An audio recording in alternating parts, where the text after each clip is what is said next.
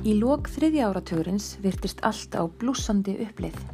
Bandaríkin voru orðin mesta efnahagsveldi heims og flestir trúðu því að þau ættu aðeins eftir að vaksa og verða enn öflugri.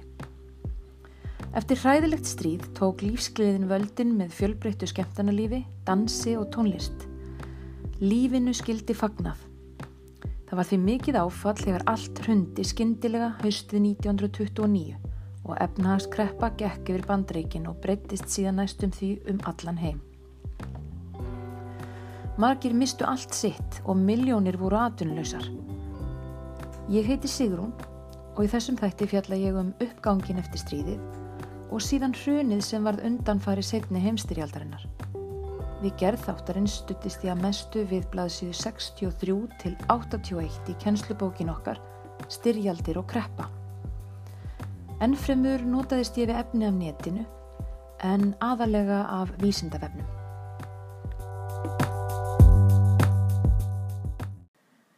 Í fyrra fjöllum við um byltingar, þar á meðal yðnbyltingar.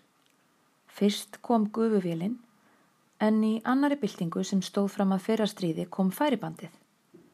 Henry Ford var fyrstur til að taka færiband í nótkun við fjöldaframleðslu bíla en önnur rafmastæki eins og kæliskápar, þvottavélar, ryggsugur og eldavélar komu í kjölfarið. Það að hægt væri að framleiða svona mörg eintök af flutónum þýtti að þeir eruðu ódýrari. Vennilegt fólk gatt kifta á en ekki bara þeir ríku. Þetta létti fólki lífið svo ummunaði. Þið getið rétt ímyndað ykkur tímaspartnaðin við að egnast til dæmis þvottavél. Og það gatt líka gjörbreytt lífi fjölskyldu að egnast bíl. Hægt var að sækja vinnu lengra í burtu og ferðast í fríum. En það breytir lífstíl fólks og veitir gríðalegt frelsi. Færibandið breytir líka vinnuumkvörfinu. Því stað þess að vinna fjölbreyta vinnu stóð fólk nú við færibönd og vann sama handtakið, sí endurtekið. Það getur verið mjög einhæft, erfitt og leiðigjant að vinna svoleiðsvinnu.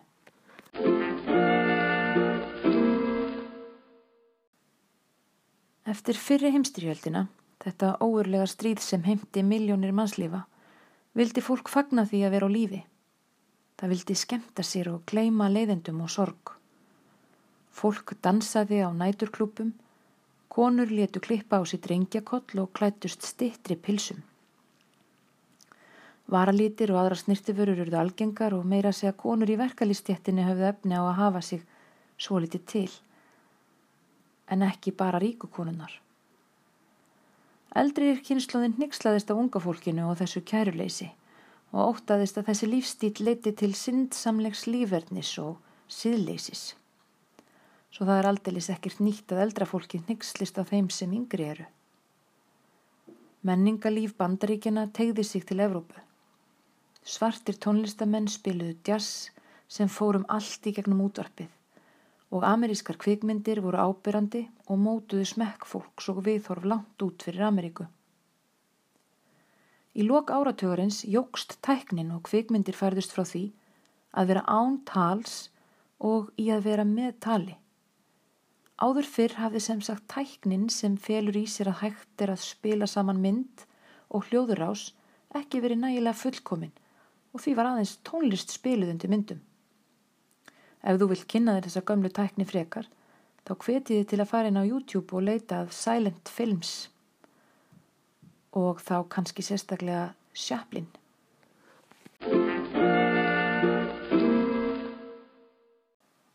Vissulega var það þannig að að meðaltali hafðu bandarækjumenn það mun betra en áður, en gæðunum var mís skipt. Til dæmis urðu margir bændur gjaldþróta því þeir hafðu aukið framlegslu sína í fyrri heimstyrjöldinni en nú var minni eftirspurn og því mistu margir allt sitt. Samátti við um svarta bandreikjamenn sem voru kúaðir með lögum. Þeir máttu til dæmis ekki taka strætó með kvítum. En svo ég sagði frá áðan þá fannst sömum nóg um síðspillinguna sem enkendi lífstíl margra á þessum tíma. Til að spórna við þessari þróun var bröðið á það ráð að banna áfengi því það var talið íta undir þessa óæskilegu hegðun fólks. Árið 1920 var sett áfengisbann og von manna var svo að þetta bann myndi skapa betra samfélag og minka glæpastarsemi. Það var þó heið gagstæða sem gerðist. Ólögleg bruggun, áfengis, smigl og ólöglegir barir kallaðir speak easies spruttu upp um allar trissur. Hugsaði þér að árið 1928 voru um 30.000 ólöglegir barir í New York þar sem fólk drakk ólöglega bruggaðið að smiklað áfengi en það var yfir helmingi meira en hafði verið á meðan áfengi var leift. Skipulöð glæpastar sem í bandaríkjónum á þarna upphaf sitt og þegar áfengi var leift aftur árið 1933 fundu glæpafóringjar sér einfallega aðra leiðir til að græða peninga eins og eitulifjasölu, fjárkúanir og vendisregstur.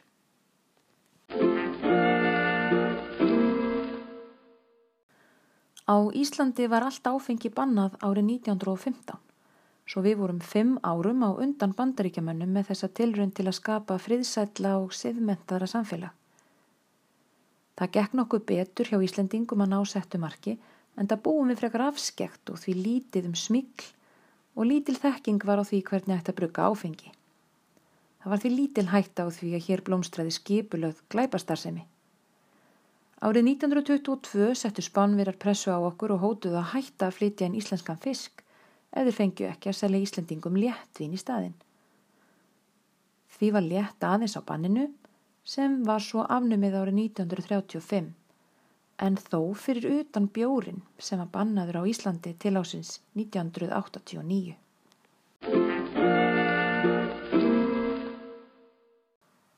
Eins og við erum nú búin að fjalla um þá var allt í góðum gýr í bandaríkjónum. Fólk skemmti sér og nöyt lífsins.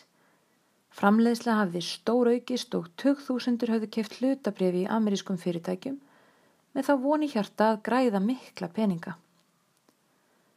Hlutabrif er staðfesting á egna hlut sem manneskja fær þegar hún kaupir hluti í fyrirtæki. Þegar fyrirtæki stækkar og viðskiptin blómstra þá verða hlutabrifin meira virði. Fólk vildi horfa á verðmætin aukast og selja síðan brefin sín og græða á því peninga. Staðurinn þar sem fólk kaupir og selur þessi hlutabref kallast kauphöll. Alls konar fólk kefti þessi hlutabref, ekki bara þeir sem voru ríkir, heldur líka verkafólk og þjónustufólk. Fólk sem vildi upplifa ameríska draumin, egnast peninga. Á þriðja áratögnum hækkaði hlutabrefaverðið upp úr öllu valdi og sumir grættu fullt af penningum. Margir höfðu tekið lán til að kaupa sér hlutabref og ætluði að borga allt tilbaka þegar þeir verið ríkir á að selja dýrmætt bref. Engin trúði því að þetta geti farið illa. Allt var á upplið.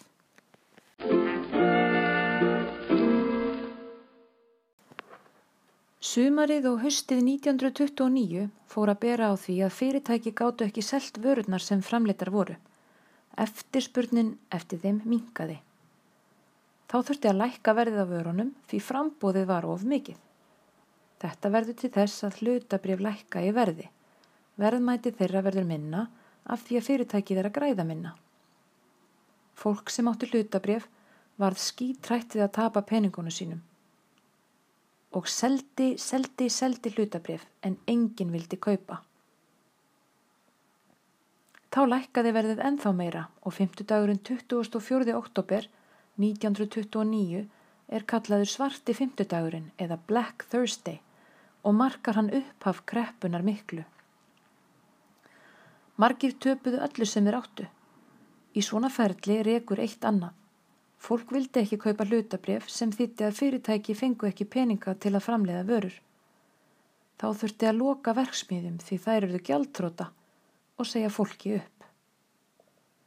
Hvorki einstaklingan í fyrirtæki gáttu greitt skuldir sínar í bankanum, svo bankar fóru á hausin líka og þá tapast líka spari fyrir fólks sem lagt hafi verið inn í bankana.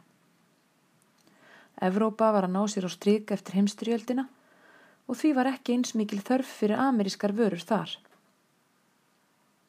Á blaðsíðu 74 í kjenslubókinni má sjá einfalda útskýringu á því hvernig efnahagskreppa verður til með myndum til stuðnings.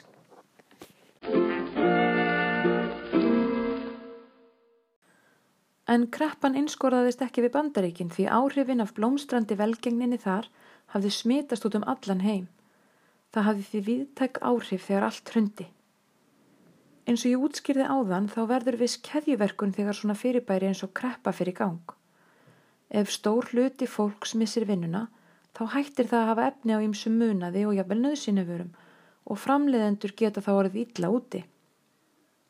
Árið 1931 kom kreppan til Íslands en þá vorum við að flytja út mikið af saltfiski til Evrópu og þegar fiskurinn fjall í verði þótti stundum ekki borga sig að veiða hann einu sinni. Tógararnir lágu þá við bryggju og sjómenn og fiskverkafólk var atvinnulegst. Þá höfðu þau minna á milli handana og kiftu því minna sem var til þess að framleiðsla bænda lækkaði verði svo þeir fengu minna í sinnlut. Á þessum tíma voru ekki greitar atvinnuleysi spætur. Kreppan stóð lengi hérna því árið 1936 bröst út borgarastyrjöld á Spáni sem var okkar helsti saltfiskskaupandi.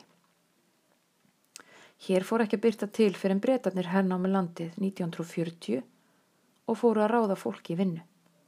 En við fjöllum um það síðar.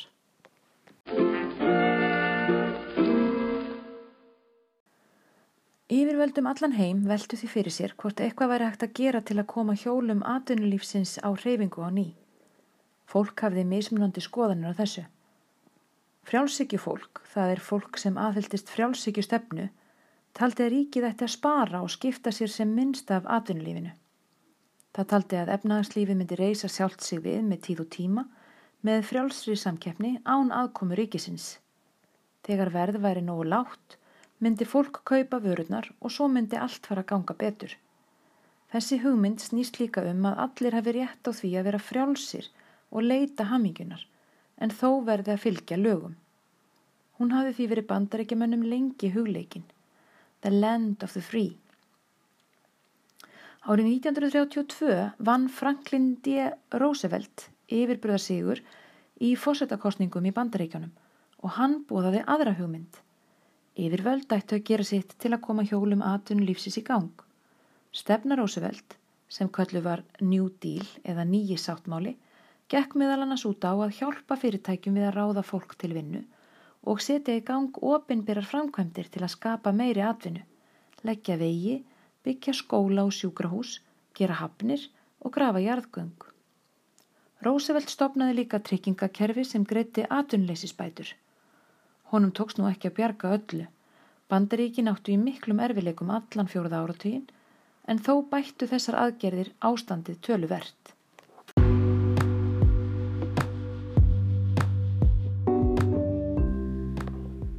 Þá höfum við fjallað um uppgangin eftir fyrri heimsturjöldina sem þá var ennþá svo eina, hvernig fólk fagnaði lífinu af krafti og kreppuna sem síðan tegði ánga sína um heiminn eftir svarta fymtudaginn á hlutabriðamarkaðinum 1929.